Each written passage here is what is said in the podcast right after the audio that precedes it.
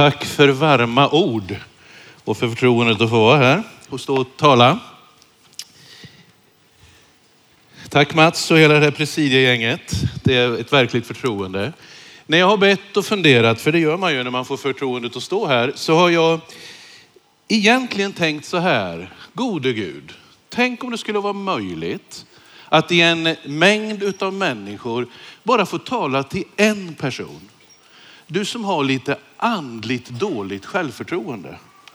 Du som egentligen varje gång det hettar till på något vis så är det någonting i det gamla livet, någonting i det som du har varit med om som slår till.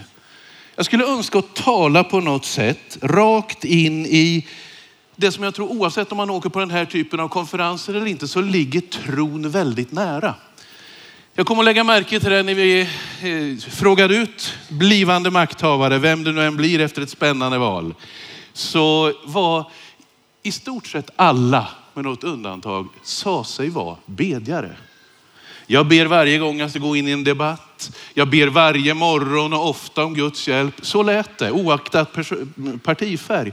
Jag tror faktiskt det är så att när du skrapar lite grann på ytan, man kallar sig agnostiker och man kallar sig allt möjligt, men djupast, djupast så finns ändå det här att människor är andliga. Man är bedjare på ett eller annat sätt. Det vi har gemensamt som människor, det är att vi föddes hit till den här världen och vi är på väg emot evigheten. Ämnet som eh, konferensledningen la på mitt hjärta, det var inte Herren direkt, men det är Herren i det tror jag. Ja då. Det var frälsningen. För det är ju någonstans däremellan. Det är att vi faktiskt säger, tror och vet. Det var inte en slump att vi blev till. Det var inte så att det bara hände och om dina föräldrar skulle ha sagt att det var en olycka eller någonting sånt. Du, det var aldrig så. För du fanns i Guds tanke. Var fanns du innan du blev till? Jo, du fanns i Guds tanke. Och han har en plan och det är det vi kallar frälsning. Att du en dag, att vi alla en dag ska fullständigt få vara det vi är tänkta att vara. Bibeln säger faktiskt så här att vi är skapade just för detta. Det är alltså inte så att du är skapad och så kommer det himmelska sen. Nej, du är skapad just för det som är Guds tanke och plan. Men så dyker den här perioden emellan upp. Där vi är olika, vi tänker olika, vi är olika sätt. Många av oss har ganska svårt att riktigt känna oss hemma i något sammanhang. Jag kan väl säga det personligen, jag kan ibland i den här typen av sammanhang, även om jag möter så oerhört mycket välvilliga och trevliga människor, så kan det finnas ibland i den här större typen av samlingar ett slags utanförskap. Det kanske bara jag som känner så, då är det ju sant i sådana fall, att jag är lite utanför. Men kanske någon ändå delar den där erfarenheten av att någonting är utanför. Hemma i vårt hem så har vi under många, många år haft ett bönämne och det är morfar. Så var det. Morfar han, han är eh, död nu. Han hade inga ord för det här religiösa.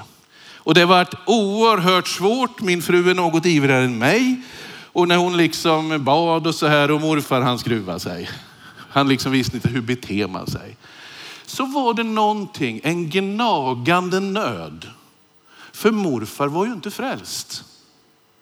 Det kom upp gång på gång, bönen för morfar.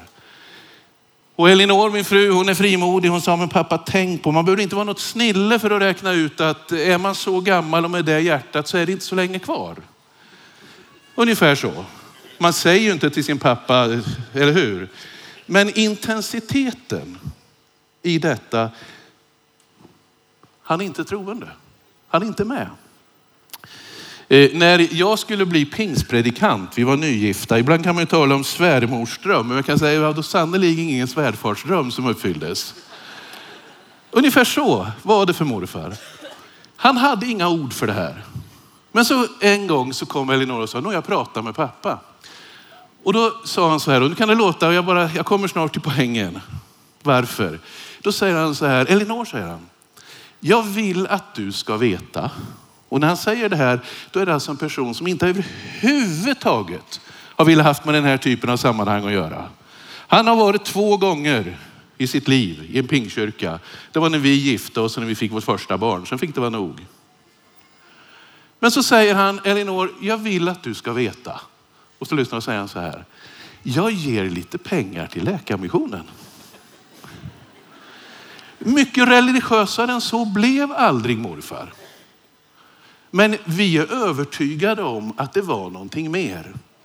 Det var hans enkla sätt att säga, jag börjar tro. Vi är övertygade om att han gick över gränsen hem till Jesus. För det hänger inte på hur det går till. Ibland har vi de här koderna för frälsning. Så här ska det gå till och på något sätt. Du, I Nya Testamentet så ser vi inget sånt. Och jag tänkte nu att vi i Bibeln ska titta på ett antal sådana här. Jag mer citerar det, för jag förutsätter att många av er kan det här. För det handlar aldrig om något annat än att Jesus själv kom inte för att döma, utan han kom för att alla skulle räddas. Den här frågan, eh, hur går det? Jag är helt övertygad om att det finns en dubbel utgång som vi säger. Det finns himmel och helvete. Men så långt det på Gud ankommer så gör han allt. Han kommer inte att stänga ute någon. Om så bekännelsen bara är att jag ger lite pengar till något lite religiöst. Så är det.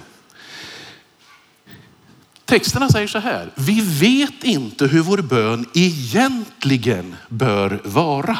Så säger texterna. Men anden manar. Anden är där och berör på ett sådant sätt. Han utforskar, står det, och då är jag i Romarbrevet 8. Anden utforskar våra hjärtan. Så du som har en sån situation, det kanske inte bara är vi som har en morfar att be för. Kanske är det så att dina barn har valt en helt annan väg än den här. Kanske är det så att de som står dig närmast inte alls har den här uppfattningen och det som du är med om i den här typen av sammanhang är så främmande. Och så skapas den här djupaste bönen.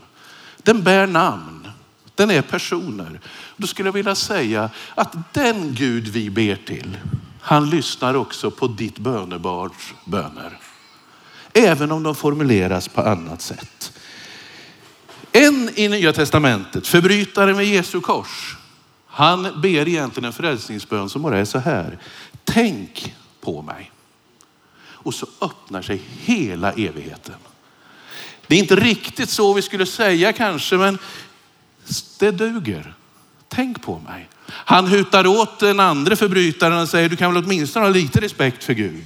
Och så vågar han att säga, tänk på mig när du kommer med ditt rike. Sannerligen, idag ska du vara med mig i paradiset. En annan kvinna hade lidit av blödningar i många år. Hon blir frälst ordlöst. Hon sträcker fram handen, en handling. Mängder av människor idag saknar orden för sin innersta tro och längtan. Det blir att jag tänder ett ljus i en tradition där man har det. Jag kanske skriver något litet böneämne, smsar in till något som en konferens så här. Därför att djupast finns det något. Jag har inte ord för detta, men jag sträcker ändå ut min hand. Kvinnan rörde vid honom. Och så händer det fantastiska. Gud själv svarar också på en sån helt ordlös bön. Hon rörde vid manteln. Och då står det så här, hon var livrädd. Lukas evangeliets 8 kapitel 47 vers. När kvinnan förstod att hon var upptäckt kom hon darrande fram och föll ner på honom och berättade inför allt folket att hon hade rört vid honom. Och att hon genast hade blivit botad. Och så säger Jesus det här. Min dotter, din tro har hjälpt dig. Gå i frid. Du krånglar aldrig till det för människor som längtar. Krångla inte till det för den som ber då och då. Som ber någon gång på jobbet eller på så sätt. Det kanske inte finns liksom det här uttryckssättet. För ibland när man tänker begreppet frälsning så är det så paketerat och klart. Och så tror man att man ska vara pingstvän eller sånt. Det står inte så i Bibeln. Det kan jag säga. Det står att du ska ha en relation med Jesus. Det är det det handlar om. Du behöver aldrig lägga dig till med allt det här andra. Det kan betjäna oss som en hjälp, men det är inte förutsättning. För tron föds alltid inifrån. Jesus möter den här officeren och ibland kan det finnas någonting i texten, eller Matteus beskriver det här i sitt åttonde kapitel, när den här officeren i Kapernaum eh, ska be Jesus om hjälp. Och det enda karn begriper, det är militära order. Så är det. Han, hade, han saknade alla andra begrepp. Det var liksom det det handlade om. Han eh, eh, säger, Herre, jag är inte värd att du går in under mitt tak. Men säg bara ett ord så blir pojken frisk. Och så motiverar han med det att på jobbet i det militära, säger jag åt någon gå så går de och kom så kommer de. Det vill säga det enda han begrep det var militär ordergivning. Då skulle Jesus kunna ha sagt, hörde du, du är fel ockupationsmakt, allt är fel. Nej, så gör inte Jesus. Utan han ser att bakom det här yrkesmässiga beteendet så finns det ett hjärta som längtar. Och Jesus säger det, du trodde och det ska ske. Och i det ögonblicket så blir pojken frisk. Kanske är det så att du har blivit så präglad av ditt jobb. Vi möter dem ganska ofta. Som går en utbildning på universitetet i Uppsala. Och man kan nästan se hur folk klär sig, vad de läser. Så är det ju. Har du palestinasjal och näbbstövlar så är det någonstans på miljösidan du läser. Och börjar du gå runt med en slips innan du har börjat raka skägget, ja då är det jurist du läser. Ungefär, det präglar oss fort. Någonting sånt. Vi blir väldigt, och så har vi bara det språket att ta till. Ungefär så var det ju med den här officeren. Men Jesus såg bortom allt det där. För han vet att anden manar i det inre en människa. Och då går det faktiskt med det språket också. Så tro aldrig att bli en kristen eller att bli frälst, att det handlar om att bete sig på ett visst sätt. Utan det handlar om att söka sig till Jesus, ingenting annat. Kvinnan vid Sykar, Herre ge mig det vattnet, det är den enda frälsningsbönen hon ber. Hon hade ju levt ett ordentligt solkigt liv och det dög. Ge mig det vattnet. Lägg märke till att hon säger Herre. Hon bekänner Jesus som Herre. Men i övrigt är ju hela den religiösa föreställningsvärlden ganska snurrig. Eh, på det och det berget och ni judar ni tänker så och vi gör så här. Och... Ge mig det vattnet. Det finns ett levande vatten. För Jesus möter människan, möter dig och mig där vi är. Så när du tänker på ditt eget liv, någonting som gick sönder, det som är solkigt, så duger det faktiskt. Kvinnan som slängs fram troligtvis naken framför Jesus när han undervisar i templet. Hon hade blivit tagen på bar gärning, dubbel bemärkelse bar gärning med äktenskapsbrott. Och så slänger de fram henne framför Jesus. Och hela den här scenen är ju fruktansvärd. när De ska börja stena henne. Och Jesus säger det där, den som är syndfri kastar första stenen. Jag återkommer snart till det. Vad ber denna kvinna? Vad är det hon har att säga? Vad är hennes bön? Jo, det enda hon säger som blir hennes frälsningsbön, det är nej Herre. Det är allt hon säger i texten. Nej Herre. För hon får frågan, var det ingen som dömde dig? Nej Herre. Inte heller jag dömer dig. Gå nu och så syndar du inte mer. Det behövs alltså inte, du kan till och med ha negation. Nej Herre. Och så blir det en totalt annorlunda tillvaro. När bibeltexterna presenterar frälsning så är det så här enkelt. Det är precis så enkelt det går till. Det är ingenting annat. Nej Herre. Sackaios han säger hälften av vad jag, vad, vad jag har, det ska jag ge åt de fattiga. Och när det hade tagit tag i plånboken, då säger Jesus, nu har frälsningen kommit till det här huset. Det var ju inte lik, helt olikt vår morfar. Eller hur? Jag ger lite pengar. Nu har frälsningen nått det här huset, säger Jesus. Sackaios, han hade ju inte ord för det här. Och alla andra såg ju ner, ni vet hur han presenteras. Och han var kortväxt och komplexfylld. De här predikningarna har ni hört. Men det enda han får fram, det är det han var bra på, nämligen att räkna pengar i tullen. Nu ska jag ge hälften. Och så räknar han upp och ja, procentsatser så kan du räkna på där. Det är så. Hanna i templet och i gamla testamentet. Hon är i en fruktansvärd situation. Och inte nog med det, hon blir missuppfattad. I sin sorg över att hon inte kan få barn så kommer hon gråtande. Och förtvivlad står hon och ljudlöst mumlar. Och vad är det som händer Hanna då? Jo, prästen i templet säger, ge dig iväg, du är ju full. Det vill säga den här lidande människan tas för att vara ett fyllo som står och beter sig i kyrkan. Men Gud såg bönen. Prästen ångrar sig när han får veta hur det är och så vidare. Men ändå, det räcker alltså med lite mummel under gråt. Där andra till och med kan missta sig och tro att du har tänt på lite grann. I din nöd. Det behövs inte mer för Jesus ser till hjärtan. Det är frälsningen. Gå i frid, sägs det till Hanna. Israels Gud ska ge dig vad du bett honom om. En enkel bön gör skillnad. För vad är det texterna säger? Jo, ty den som ber han får och den som söker han finner och för den som bultar ska dörren öppnas. Vi vet ju egentligen inte hur vår bön egentligen bör vara. Men anden vädjar för oss med rop utan ord. Och nu skulle jag bara vilja säga det till dig, du som har en massa olika andliga komplex, får jag säga så? Du, Jesus ser till ditt hjärta. En riktigt bra gudstjänst, då kommer vi böjda med våra bördor in i Nyhemshallen och så går vi rakryggade ut. Skillnaden är att vi har mött nåden från Herren. Att det helt plötsligt går upp för oss. Det spelar ingen roll det som har varit, utan det är faktiskt det som kommer framöver som definierar oss. Du kan någon säga, men är det då bara nåd? Ska vi nu tala om frälsning måste det väl ändå finnas sånt där. Vi måste leva som kristna.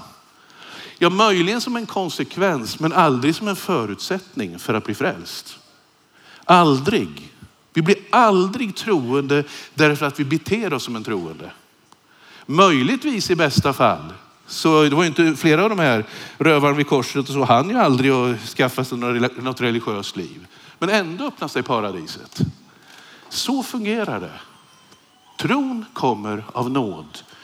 Nu ska vi titta i gamla testamentet och då är det Mose som jag tänkte vi ska stanna lite grann inför. I Moseböckerna så beskrivs ju denne märkliga historiska gestalt. Jag tror att det är få, om ens någon, som i ledarskapsförmåga kan mäta sig med Mose. Men det är inte så han introduceras, utan han introduceras som prinsen av Egypten. Och det här behöver inte jag berätta så hemskt mycket. Hans mamma sätter ut honom och tätar till någon korg så att han kan fly undan det här barnamordet som pågick ifrån, initierat av högsta makten farao. I den miljön får sen Mose växa upp och det här kan vi. Så kommer den här tillfället där han har nått den här som faraos son, eller dotterson, så har han nått en position. Djupast sett så är ju inte Mose riktigt hemmahörande i det, i det faraonska hovet, utan han är ju hebré. Han är utav slavsläkt. Han vet att det är på det sättet och kopplingen fanns ju i alla fall under spädbarnsåren. Texterna förklarar nästan sen att Mose kunde nog faktiskt inte hebreiska sen.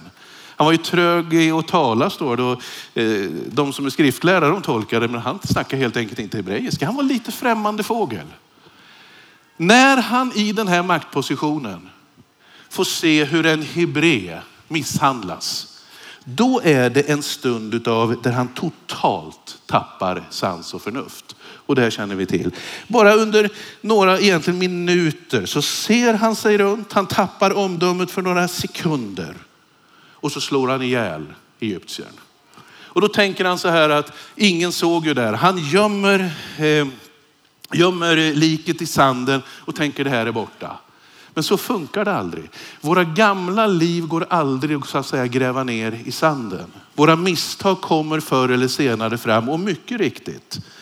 Det dröjde inte länge för att de sa, ska du göra likadant med oss som du gjorde med den där eh, egyptiern? Det vill säga några hade spejat och sett att så här var det. Det är Moses situation. Och själva poängen jag kommer till nu. När Moses senare får ta emot budorden då är det faktiskt mördaren Mose som tar emot budordet du ska inte dräpa. Det är ju så. Hur hanterar man det? Hur hanterar man när det står du ska inte begå äktenskapsbrott och så har jag själv gått igenom en skilsmässa. Och vi skulle kunna fortsätta med budord efter budord. Hedra din far och din mor och så vidare. Mose han kom dit som mördaren. Du ska inte dräpa. Hur hanterar han det? Det stod också så här i budorden. Visa aktning för din far och din mor så att du får leva länge i det land som Herren din Gud ger dig. Vilken då far och mor Mose? Är det faraos dotter, styrmamman? Eller är det hon som ammade mig, min biologiska mor? Vem är det? Vem är det som ska hedras? Det var en trasslig familjesituation. Mose var ju bortadopterad eh, långt innan han själv visste om det så att säga. Och det hade naturligtvis präglat honom. Och nu säger budordet hedra din far och din mor. Jag tror att det här är ganska likt. Om du tittar i, i likt vår tid, i Vårdguiden 1177 så beskrivs familjer. Och det är in i den miljön som det står hedra din far och din mor. Jag tror Moses skulle känna igen sig. Det är lite, när man läser det här så är det tomten är far till alla barnen ungefär. De, de familjebildningarna. Så här står det. Och det här är familjebildningar idag. Bonusfamilj, familj, styrfamilj eller ombildad familj. Enförälderfamilj eller makalös familj. Regnbågsfamilj eller hbtq-familj. Självvald familj, stjärnfamilj, storfamilj eller utvidgad familj. Visa aktning för din far och din mor, Mose. Hur gör vi? Hur gör vi? För det blir komplicerat med budorden. Mose hade ju också det här Egentligen vartenda budord fanns ju där. Och någonstans i samma läge så kommer ju det här rakt in i vilken människas liv som helst. Mosan hade ju lärt sig att hylla många gudar. Men eh, vad säger budorden? Du ska inga andra gudar hava jämte mig, så lärde jag mig i gamla översättningen. Vad är hemligheten nu då? Jo, jag tror vi ska titta på hur det här har blivit översatt runt om i olika biblar. Du och jag, säg att du har begått äktenskapsbrott. Då tänker vi när vi möter den typen av bibelord, eller när Mose möter, du ska inte dräpa. Då tänker vi så här, du ska inte ha, du, du borde inte ha gjort det här Mose. Du borde inte ha dräpt.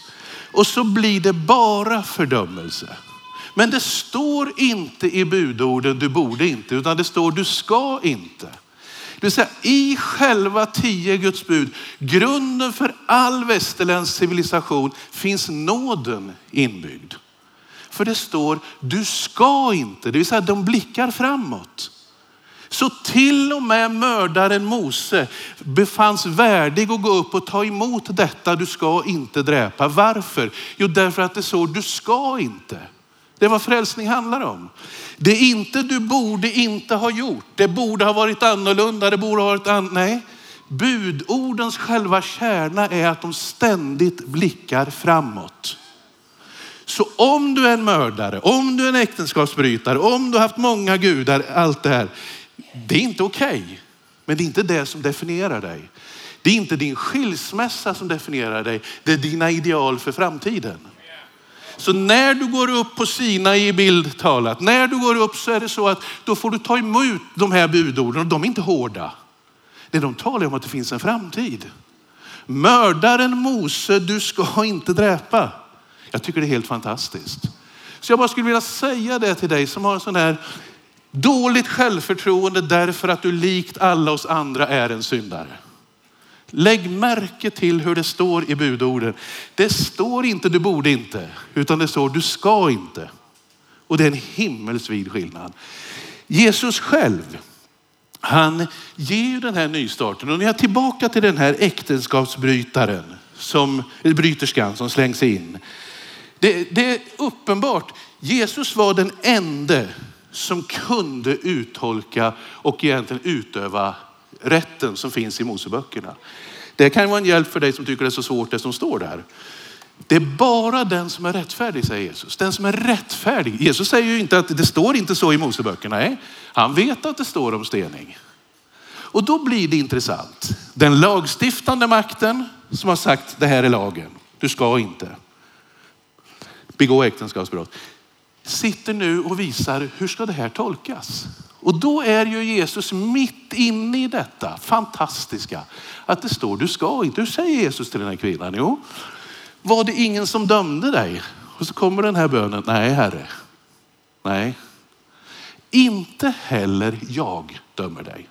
Gå nu och så syndar du inte här efter. Det vill säga, du ska inte begå äktenskapsbrott. Det står inte du borde inte ha gjort, utan nu framåt så ligger det en fullständig frihet. Så finns det nu ingen fördömelse för dem som är i Kristus Jesus. Ty livets andes lag har i Kristus Jesus gjort mig fri från syndens och dödens.